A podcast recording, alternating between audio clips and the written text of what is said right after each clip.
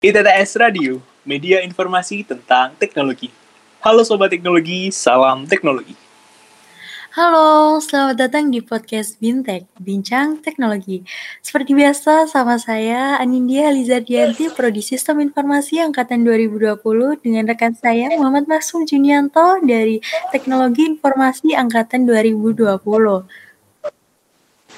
Oke, tadi sudah diperkenalkan juga ya. Halo Kak oleh Kak. Halo Kak Nindi, kenapa nih suaranya kayaknya agak kurang Apa semangat? kabar Apa- nih? Oh baik, aku alhamdulillah. Eh, Kak Nindi mau aku ini gak sih? Eh, grabin atau gocekin biar lebih semangat? Aduh, boleh banget gak sih? Eh, Mumpung lagi hujan-hujan gini ya, lagi gak enak badan juga, terus Oh, kedinginan. Butuhnya digojekin yang anget-anget nih. Aduh, boleh, boleh, boleh. Semoga Kak Nindi lekas sembuh ya. Sama teman-teman yang lain yang lagi sakit, semoga segera sembuh. Terima kasih Kak Maksum, selalu jaga kesehatan ya. Jangan lupa prokesnya selalu dijaga. Dan Betul vitaminnya jangan lupa untuk selalu diminum setiap hari. Tuh, kalau perlu minum ini. Apa? Yang hangat-hangat itu apa? Tolak angin atau antangin itu ya? Eh, endorse. Oh, tapi nggak boleh terlalu sering ya Kak Maksum ya? Ya. Nggak baik. Mungkin ini Kalau mau yang anget-anget ya, pelukan pelukanmu. Aduh. Ya, Aduh. Oke oke oke.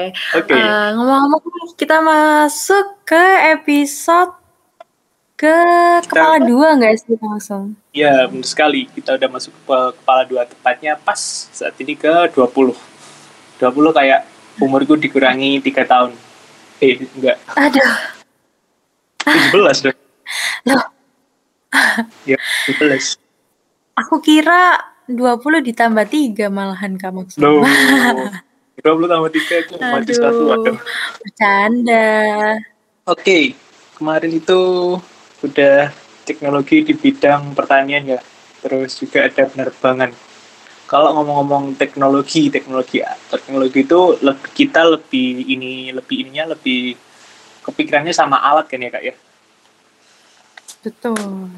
Nah, kali ini kita akan bahas sedikit lebih dalam lagi yaitu tentang softwarenya, perangkat lunaknya atau bisa kita sebut startup ya kak India. Ya, betul banget. Kita akan membahas tentang inovasi startup di bidang pertanian. Nah, ngomong-ngomong masalah pertanian, pertanian itu kan juga erat kaitannya dengan perkebunan ya Kak Nindi ya. Kak Nindi pernah nggak sih Ya, ke perkebunan eh, ke perkebunan mana gitu? Kan biasanya kalau berkebunan itu hawanya dingin ya misalkan eh, kebun teh di Malang terus kebun apel juga di Malang itu biasanya kan dingin. Kalau Kak Nindi ada pengalaman ke kebun-kebun itu mungkin? Nah, pengalaman aku yang disebutin Kak Maksum tadi kebetulan nih. Kebun teh, kebun apel, terus kebun durian ya. oh durian menarik sekali Nah, itu Iya. kalau ke terus Kalau- kebun strawberry itu yang banyak ditemuin juga ya kalau kita lagi berkunjung ke pegunungan gitu kan. Mm, benar Mungkin di pinggir jalan kayak di mana itu di Tawangmangu ya. Itu banyak Mm. sekali kan teman-teman perkebunan strawberry di pinggir jalan Iya, gitu. sekali. Hmm. Kalau aku tuh nggak jauh-jauh deh ya. Eh, ke tem- ke daerahku itu ada kebun belimbing. Jadi kalau belimbing itu kan biasanya nggak nggak lihat ini ya, nggak lihat kondisi. Jadi hujan tetap berbuah, terus ini apa panas juga tetap berbuah asalkan dikasih nutrisi yang bagus. Nah di situ kebetulan juga kayak ada wisata edukasinya gitu loh. Jadi kayak eh, sekalian manen sekalian makan belimbing juga ada wisata edukasinya gitu. Menarik deh kayaknya. Oh, I see. Ya, seperti eh, Kampung Coklat Blitar itu juga Nah, ada kan ya? bener Kak sekali. Maksum ya? iya bener. Nah, kemarin tuh aku barusan ke sana sebelum ini sebelum hybrid ini. Wih, tempatnya eh, ala-ala waduh, liburan nih di Kak Maksum Citata nih. Baru asik deh. Kapan-kapan ke sana kan deket juga. Paling dua tiga eh ya tiga empat jam nyampe sih Kalau naik kereta ya? makan coklat iya oh iya naik kereta bisa langsung ke Blitar ya bisa bisa Iya, Nanti kita kalau naik berdua kereta kan, waduh, Nanti sekalian Berdua ke aja nih. Iya, sekalian ke Tulungagung tak kenalin ke mama papa. Mama papa. Aduh, aduh, aduh, aduh. Emang nih, nih yang namanya Muhammad Maksum Junianto nih, aduh selalu aja Aduh, aduh. ucapannya itu buaya Aduh. banget nih teman-teman. Astagfirullahaladzim, enggak buaya ya. Buaya itu kan ke banyak, ini kan ke satu. Jadi bukan buaya tapi mono mono buaya. Waduh, udahlah terserah Kak Maksum nih. Oke. Aku mau balik lagi ke topik Hmm. nih. Setelah Kak Maksum tanya-tanya tentang perkebunan Oh, yang iya, pernah aku kunjungi nih. Eh, Hmm. Aku mau tanya balik nih ke Kak Maksum. Kalau misalnya Oh, iya. nih Kak Gimana tuh? Maksum punya eh, punya keinginan untuk berusaha eh, berwirausaha gitu ya dan punya modal yang cukup untuk membuat perkebunan. Nah, Kak Maksum Iya. itu ingin membuat perkebunan apa sih? Kalau perkebunan mungkin ini ya, yang jarang itu di kita lihat dulu yang jarang. Nanti kan- kenapa yang jarang ada? Soalnya nanti juga eh, minatnya masyarakat juga bakal eh, tinggi. Kalau di daerah itu eh, belum ada. Misalkan nih di tempatku kalau buah naga itu biasanya da- didatangkan dari daerah lain, misalkan dari Kediri atau Blitar atau daerah-daerah lain lah. Nah itu aku pengen bikin kebun itu, kebun buah naga itu. Eh, entah itu nanti di daerahku sendiri, tentunya kalau di daerah sendiri perlu yang namanya eh, ini ya ekosistemnya harus dibentuk dulu ataupun ke tempat yang ekosistemnya sudah ada. Nah, dari situ kan kalau eh, di tempat lain jauh nih. Nah, pasti itu nanti kita butuh yang namanya eh, monitoring misalkan kelembapan tanahnya kita kita bikin, kita kasih sensor kelembapan tanah, terus nanti misalkan untuk eh, sistem penyiramannya itu bisa otomatis. Nah, di situ eh, aku pengen kayak bikin semacam software juga, environment software juga yang eh, connect ke si perkebunan itu. Jadi misalkan nih aku dari jarak jauh, misalkan pas lagi di Surabaya, kebunku di eh, daerah lain misalkan. Nah, di situ bisa eh, dipantau secara langsung secara real time gimana kondisi yang ada di lapangan. Gitu sih kalau aku kalau eh, ingin buat gitu. Terus kenapa bikin gitu? Karena yang pasti eh, kalau manusia kan ada capeknya ya. Jadi misalkan aku eh, ngasih eh, bukan ngasih sih, aku kayak menyewa jasa seseorang untuk menyewa me, memonitor kebun itu. Nah di situ kan bisa jadi uh, apa yang dia laporkan itu tidak sesuai sama persepsiku. Nah di sini fungsinya sih uh, itu tadi monitoring secara uh, teknologi tadi. Seperti itu mungkin. kalau Wow. Wow, nggak expect banget nih aku dengan jawaban Kak Maksum nih. Gila, berarti ilmu Kak Maksum tentang perkebunan ini udah sangat mencukupi ya untuk membuat Wah. suatu usaha perkebunan Sangat itu. belum dong. Sangat belum sekali dong. kan itu masih cuma angan. Nah, nanti realisasinya pasti perlu belajar lagi kan. Belajar tidak hanya di kampus ya kan ini dia. Iya, betul. Belajar bisa ada di mana saja dan ke siapa saja ya. Ya, betul sekali. Kalau Kak Nindi mungkin eh, juga bikin perkebunan juga atau mungkin eh, kan sekarang banyak nih startup startup gitu Eh, atau mau dibikin startup perkebunan ya. Aku sih eh, pingin sih eh, punya suatu perkebunan gitu ya. Hmm. Cuman aku masih belum ada eh, bayangan gimana nantinya perkebunanku, terus akan aku kasih inovasi apa. Tapi yang poin utama itu pengen buat perkebunan itu perkebunan durian itu karena ingin aja gitu suatu wak- suatu waktu kalau udah panen dimakan-makan sendiri gitu Oh, iya, aja bener tuh. kalau aku. Iya. Terus eh, kalau kayak Kak Maksum kepikiran sampai dibuat seperti software startup gitu ada, tapi Hmm. masih belum fokus ke arah sana juga kayak istilahnya masih pemula gitu ya. Hmm. Ilmu Sama aku juga pemula. juga Mm-mm, ilmu perkebunannya juga masih minim sekali bahkan Kali Hmm, sama. min satu per seratus ya. Duh, min satu per seratus. main satu per 100 karena beneran nih teman-teman. eh gimana ya? Aku kalau berkebun itu cuman nyiram tanaman aja sih. Iya nyiram bagian nyiram-nyiram. Aku kalau diajak mamaku berkebun gitu di rumah, aduh paling nggak mau, paling nggak suka. Soalnya kenapa?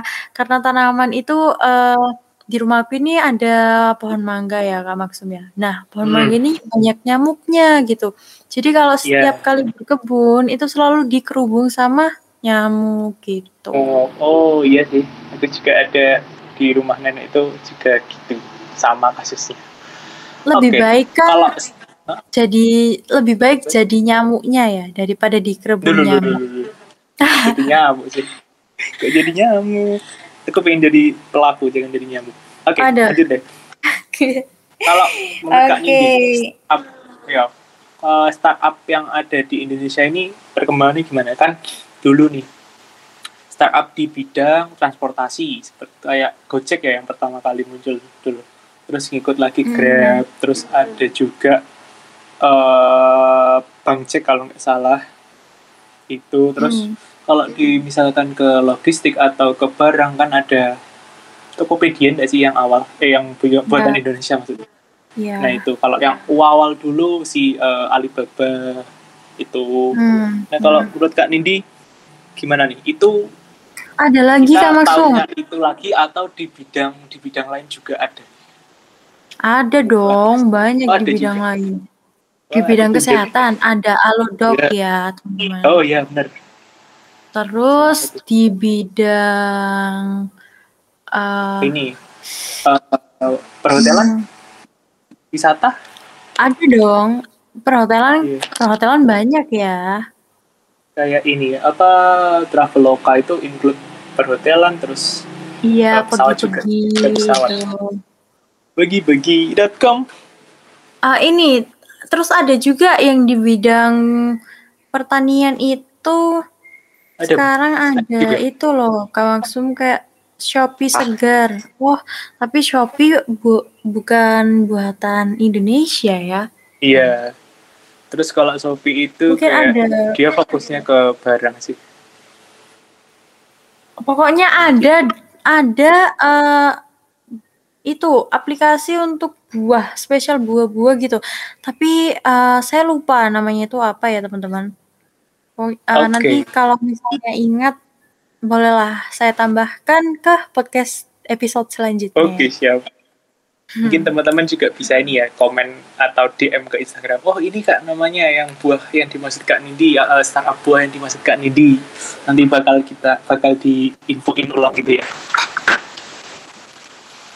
Oh, ada lagi nih Kak Maksum. Aku baru ingat Tani Hub. iya Platform Tani- Tani, Tani Hub, Hub ya. Iya. Oh, Eh, apa Itu- perusahaan aplikasi nggak sih? ya perusahaan Hmm, setahu aku itu Mhm. iya, setahu aku Tani Hub ini semacam iya punya eh, punyanya sebuah perusahaan digital gitu yang berkembang di bidang pertanian khususnya. Oke, namanya juga tadi Hub. Iya, masa ya di bidang perhotelan nggak mungkin kan Nah. ya? Kalau hotelan jadi hotel Hub. Garing. Aduh, aduh, aduh. Nah, Tani Hub ini mungkin masih belum banyak orang yang tahu ya Iya. teman-teman ya. Tapi eh ini juga termasuk baru juga eh Iya, mm, tahun 2017 Betul. ini Tani Hub ini 2017 diluncurkan. Hmm. Oke, oh tahun 2017 ya diluncurkan. Oke, Luncurkan kalau kita layanan nih, Tanifan. Tanifan itu layanan yang eh seperti eh Kak Maksum belajar. Oh, enggak ini pelajar matkul aku sih, manajemen apa?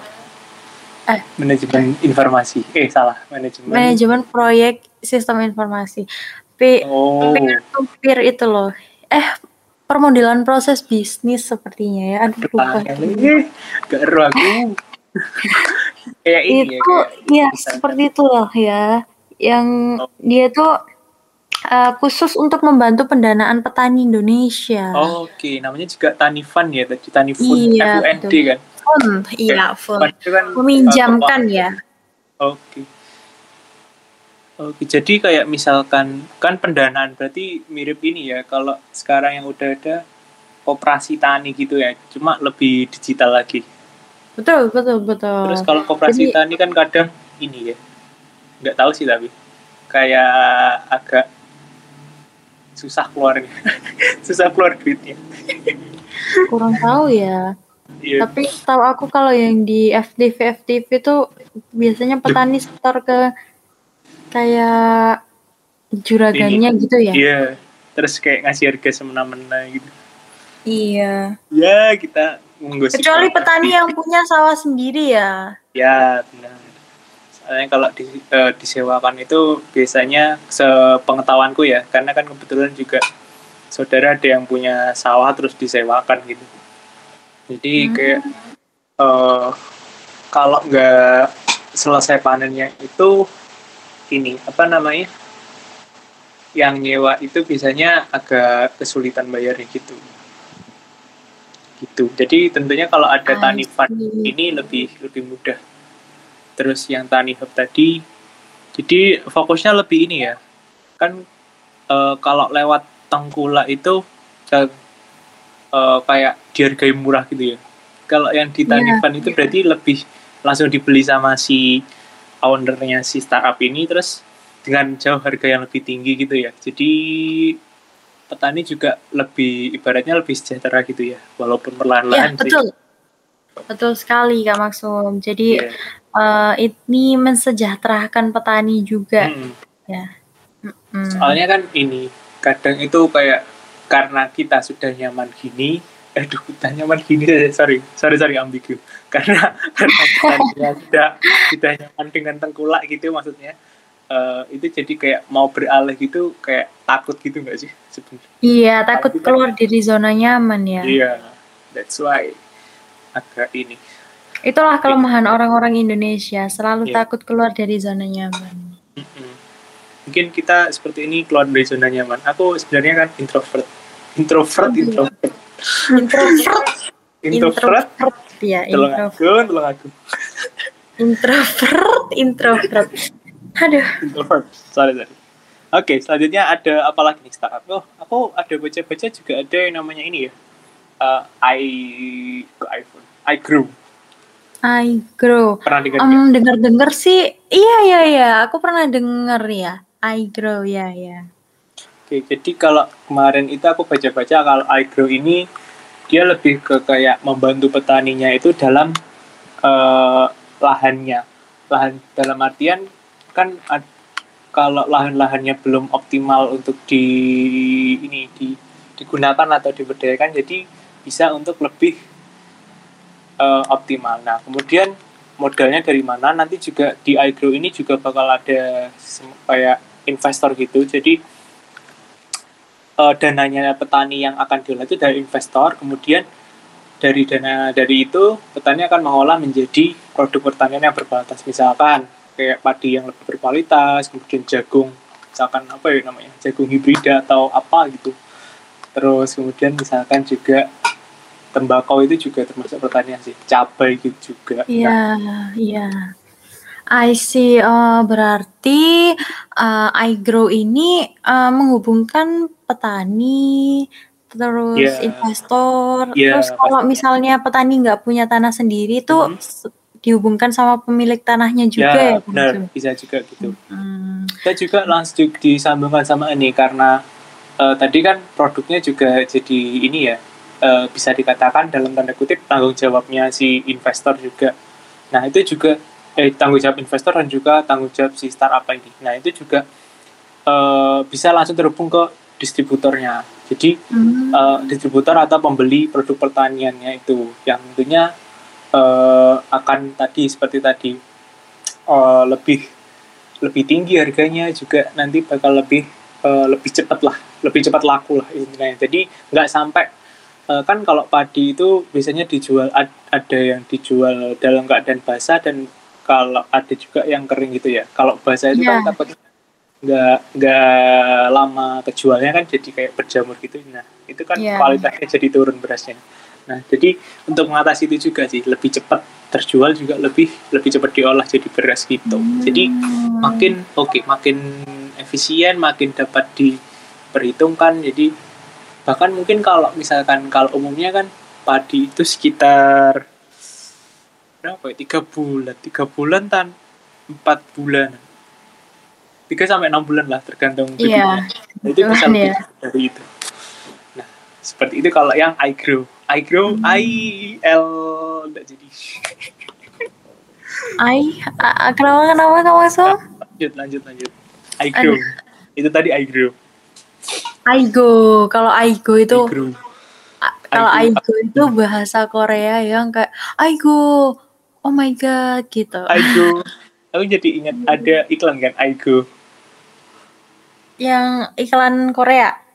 enggak ik, iya ik, eh, bahasanya Korea cuma di ini di kayak diadaptasi ke Indonesia jadi Korea dan Indonesia. Kalau nggak salah Hmm. eh, iklan aplikasi musik apa gitu loh. Kayak musikali tapi bukan musikali atau musikali ya? Nah itulah. Nanti teman-teman bisa searching. ya. lucu pokok. Yang ini loh yang iklannya. Orang- tahu sih. Orang orang dewasa terus kumisan terus pakai baju SMP tak SMA gitu loh pernah tahu Aduh, nggak tahu ya enggak, masih belum pernah tahu. Anda- Kak. anda nggak suka nonton TV sih terlalu Iya, aku terlalu tahu sih. nggak tahu karena kamu kan terlalu lama menatapku aduh Aduh, aduh, aduh. Aduh, aduh. Maaf, maaf. oke lanjut deh Lanjut nih, selain iGrow ada apa lagi nih Kak Maksum yang Kak Maksum tahu nih?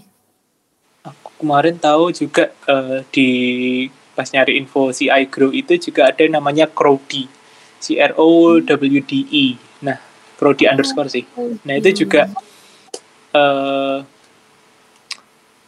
di sini fungsinya juga Oh, sebagai dengar-dengar daya. Crowdy ini kayak Tani Hoop ya? ya ada di fitur Tani Hub yang Tani Fund Tani Fund yang keuangan tadi jadi Ya, fokusnya ya. ini lebih ke dana atau modalnya nah dananya ini dihimpun dari masyarakat ya, misalkan dari masyarakat sekitar juga atau bisa juga dari investor juga sih ya, tergantung Hmm. ini karena kan kalau dimulai dari masyarakat aja masyarakat kan juga butuh dana untuk kehidupan mereka sendiri ya nah Iya, jadi iya, iya. dari investor juga dicarikan modal untuk petaninya itu sendiri. Nah, dengar-dengar nih Crowdy ini sama Tani Fund itu tadi Hmm. lebih tuaan Crowdy ya Kak Maksum ya? Soalnya eh, Iya. ini nih barusan aku searching-searching gitu dia didirikan di tahun 2015. Ya, Sedangkan Tani Fund itu dirilis tahun 2017 ya ya. benar. Kalau Tani kan Tani Fund tadi kayak semacam fiturnya Tani Hub. Nah, Tani Hub-nya sendiri itu eh, munculnya barengan sama Crowdy 2015 juga. Cuma fitur yang Tani Fund itu sekitar 2017 yang eh, seperti Kak Nindi bilang tadi. Nah, jadi kalau lebih kalau dibilang lebih berpengalaman kita nggak bisa ngejudge yang A lebih berpengalaman yang B lebih berpengalaman nah itu kembali lagi ke penggunanya nanti petaninya nanti nyamannya di mana jadi kalau kalau si Tani Fund tadi juga eh, membantu pendanaan petani juga Nah, Hmm. terus yang Crowdy tadi juga sama-sama membantu eh, pendanaan petani. Nah, di sini eh, petani bisa milih nih mau pakai yang mana. Jadi kalau yang Tani Fund tadi eh, keuntung ada keuntungan masing-masing kan ada keuntungannya, ada kelebihannya. Kalau Tani Fund tadi kan punyanya Tani Hub. Jadi s- semacam fiturnya tadi juga ada pendanaan, juga ada eh, fitur yang lain tadi yang fitur utamanya Tani Hub yang misalkan eh, berjual eh, berjualan atau padinya dijual itu langsung ke eh, distributor atas jadi harganya lebih tinggi. Nah I kalau. Crowdy tadi dia lebih fokus ke satu tujuan aja pendanaan jadi bisa jadi eh, dananya itu lebih cepat cair lah atau apalah. Nah, nah di situ ke kembali lagi ke kebutuhan petani masing-masing kan petani juga beda-beda ya di daerah A daerah B di situ juga beda-beda. Iya. yang aku lihat kemarin sih. Hmm. Terus terus nih se- selain uh, kayak pendanaan gitu, kalau ini aku barusan aja nih searching nih teman-teman. Ada sebuah platform IoT yang uh, dia itu bergerak seperti mm, berkomunikasi gitu ya antara petani da dengan tumbuhannya. Aduh, seperti yang diomongin Kak Maksum di awal. Oh, mungkin kayaknya aku terinspirasi dari salah satu Ah. platform ini cuma nggak aku nggak sadar sih. Apa tuh? Ah, gitu ya. Namanya Habibi Garden nih. Oke, Habibie Garden. Oh, Iya. lebih dia ke kebun. Oke, oke. Jadi nih, eh, jadi nih teman-teman eh, platform Habibi Garden ini itu dia memonitor dan memberi asupan yang tepat pada tumbuhan. Jadi seperti yang eh, dibilang Kak Maksum di awal Hmm. tuh ya inovasi Kak Maksum itu ya. Oke. Iya benar. Mungkin aku Yang juga bakal nambahin inovasi sih, biar beda sama Habibie Garden. Eh, ah, nah, ini boleh banget nih Kak Maksum ya. Iya. Nih, Oke. aku dukung Kak Maksum ya. Aku bantu. Aku mau pakai uh, uh, pakai prinsip ATM, amati tiru modifikasi. Waduh, mantap, mantap itu. Masa lalu. Ini baru ini baru temen gua nih aja ya. Oke, oke, siap, siap. Nah, Oke. keren banget sih Kak Maksum kalau Habibie Garden ini eh, berkomunikasi dengan tumbuhan ya. Udah keren.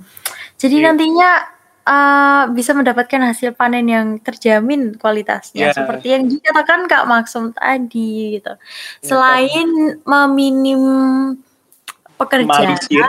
Mm-mm, Iya. minimalisir biaya pengeluaran tambahan untuk gaji pekerja itu juga eh atas dasar ya udah kita kerja sendiri gitu aja ya kayak Hmm. dengan dengan kita kerja sendiri dengan dibantu teknologi wah ini pasti lebih terjamin kualitasnya daripada Ya, harus mempekerjakan orang Nah, benar sekali. Karena lebih ini ya, eh, lebih bisa dikatakan kalau dari teknologi itu lebih stabil ya. Jadi human error-nya itu bisa eh, bisa kita hindari dengan cara tidak menggunakan human eh, atau mengurangi penggunaan manusia gitu. Nah, jadi bukan tapi ini ya, bukan berarti eh, dengan ini tuh mengurangi lapangan pekerjaan itu sebenarnya enggak. Nah, di sini malah menurutku kayak kita bisa meningkatkan uh, kemampuan atau keterampilan seseorang. Misalkan nih, uh, dengan alat ini, misalkan kita ada banyak banyak ini ya, banyak kebun ya. Misalkan adalah katakanlah 200 kebun di satu provinsi aja. Nah, di situ uh, kan kita nggak pakai manusia, tapi kita kan nggak bisa mengontrol 200 itu sekaligus. Nah, di sini maksudnya kita bisa rekrut orang. Orang itu kan jadi belajar cara menggunakan teknologi ini. Nah, dari situ seperti taraf keterampilannya, taraf kemampuannya orang tersebut itu juga bakal meningkat. Nah, di sini eh, kalau kita bisa lihat sebenarnya ya walaupun memang walaupun memang mengurangi ini ya, mengurangi pekerjaan ya, tapi juga bakal meningkatkan eh, kualitas dari manusia itu sendiri. Yes, mantap nggak? mantap mantap, Mantap. mantap. Nah, gitu. Eh, mantapnya teknologi itu kayak gitu. Iya emang teknologi inovasi teknologi di dunia nggak pernah tidur ya. Iya, benar. Pasti ada eh, sesuatu yang baru. Karena Mm, di mm, saat kita tidur, banyak orang yang bangun untuk mengerjakan sesuatu. Makanya kita tinggal milih nih ya, kan ini ya. Kita jadi orang yang tidur atau kita yang jadi eh, orang yang menjadi penggerak atau membuat sesuatu itu tadi. Oke, hari Betul sekali, betul sekali. Ini baru Oke. temen gue nih. Oke. Nah, sebelumnya apa? Kita bukan teman ataupun Ah. atau kita kita sebenarnya Kita adalah- hanya kita sebelumnya hanya dua orang yang asing, Iya. lalu dipertemukan aduh. di Oke. UKM ITTS Media ini ya. Oke, oke. Sebenarnya kita asing. Nah, ini ini juga bisa dilihat ya teman-teman. Asing itu bisa menjadi Nah, seperti ini. Nah, teman teman bisa isi sendiri ya. Ada kotak kosong. Ini bakal dipilih jawaban paling menarik, kemudian akan dikasih door prize. Aduh, ada door prize-nya apa nih Kak Maksum? Door prize-nya apa ya? Nanti aja uh, ikutin sebanyak-banyaknya, ikutin uh, Kalau door prize-nya berupa GoPay atau Dana gitu, aku ikutan boleh nggak sih? Boleh dong. Nanti yang paling cocok kita pilih bareng-bareng. Nanti kalau aku ikut ya aku pilih diriku sendiri dong. Duh, nggak bisa dong. Nanti kalau ada yang lebih baik, aduh kalau ada yang lebih baik. Duh. Tapi aku milih Kak Nindya yang, yang sudah baik. Belum ada. Lebih... Ada. Next. Ini next. kepalaku besar loh ini. Oh, iya. Nih tak tak kasih helm biar nggak sampai besar poh. Ada. Nah, next ini kayaknya udah habis deh. Tadi. Uh, Apalagi mungkin ada ide lagi nih teman-teman atau ada masukan lagi yang mungkin, mungkin belum ya. aku sebutin nih. Mungkin ini perkebunan tadi pertanian yang terkait itu perikanan mungkin ada pasti ada hmm, sih. Ada ya? Iya, iya aku iya. iya. tahu ini apa ya namanya. Namanya Fishgo. Pokoknya Oh iya betul betul. Uh, aku ingatnya itu pokoknya yang membuat uh, startup ini itu orang Bali kak maksudnya oh, iya. namanya itu kalau nggak salah I Gede Merta Yoga Pratama itu. Oke, okay. ya. ah, aku kemarin juga baca artikel itu sih. Jadi uh, si uh, I Gede ini kayak uh, kayak bekerja sama sama nelayan dia riset, riset dulu apa nih yang di yang diperlukan uh, nelayan nih apa yang tapi, dibutuhkan nelayan iya tapi dia tuh nggak kerja sendiri loh kak Maksum ya yeah.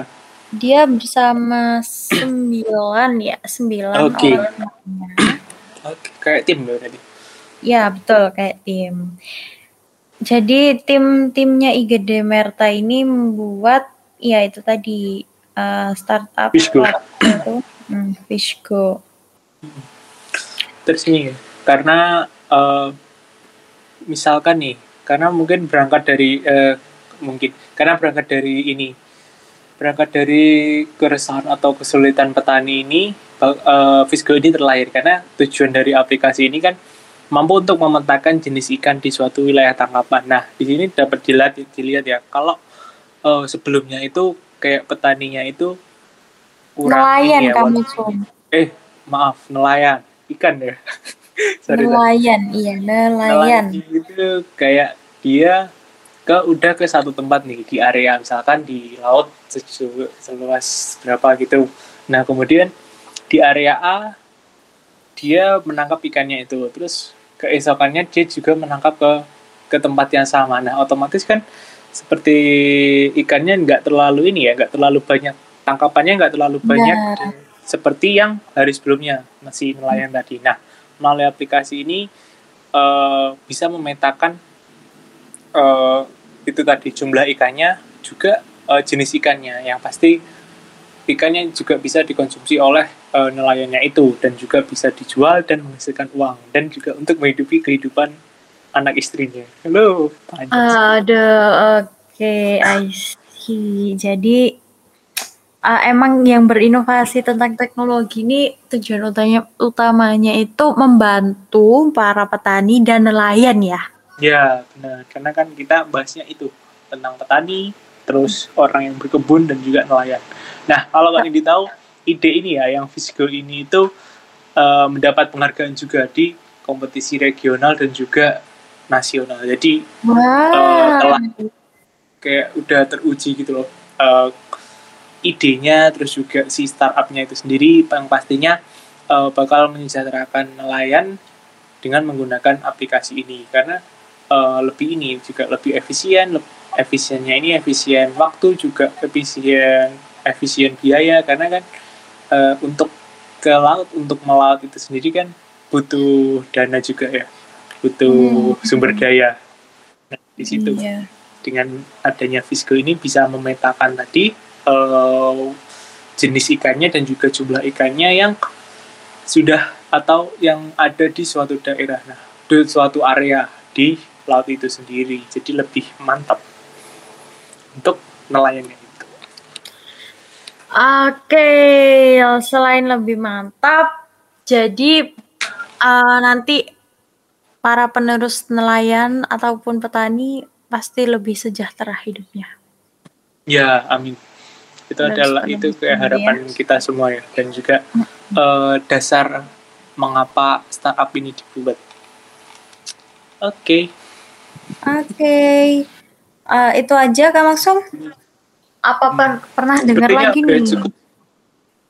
Sepertinya uh, kalau di upline aku dengarnya ini sih yang lebih ke kayak uh, startup di bidang lain. Mungkin bakal kita bahas di ini ya di episode mendatang ya. Karena di sini ah. kan fokusnya ke pertanian perkebunan dan juga perikanan gitu ya. Iya dong tentu aja. Kan kita nggak mau menghabiskan uh, bahan untuk episode uh, 20 ya. ini. Tapi kita akan membahas di episode selanjutnya. Tentu aja pasti nyambung dari episode ke episode Jangan lupa oh. untuk terus dengerin podcast Bintek, Bincang Teknologi di podcast ITTS Radio, kesayangan kalian semua di Spotify.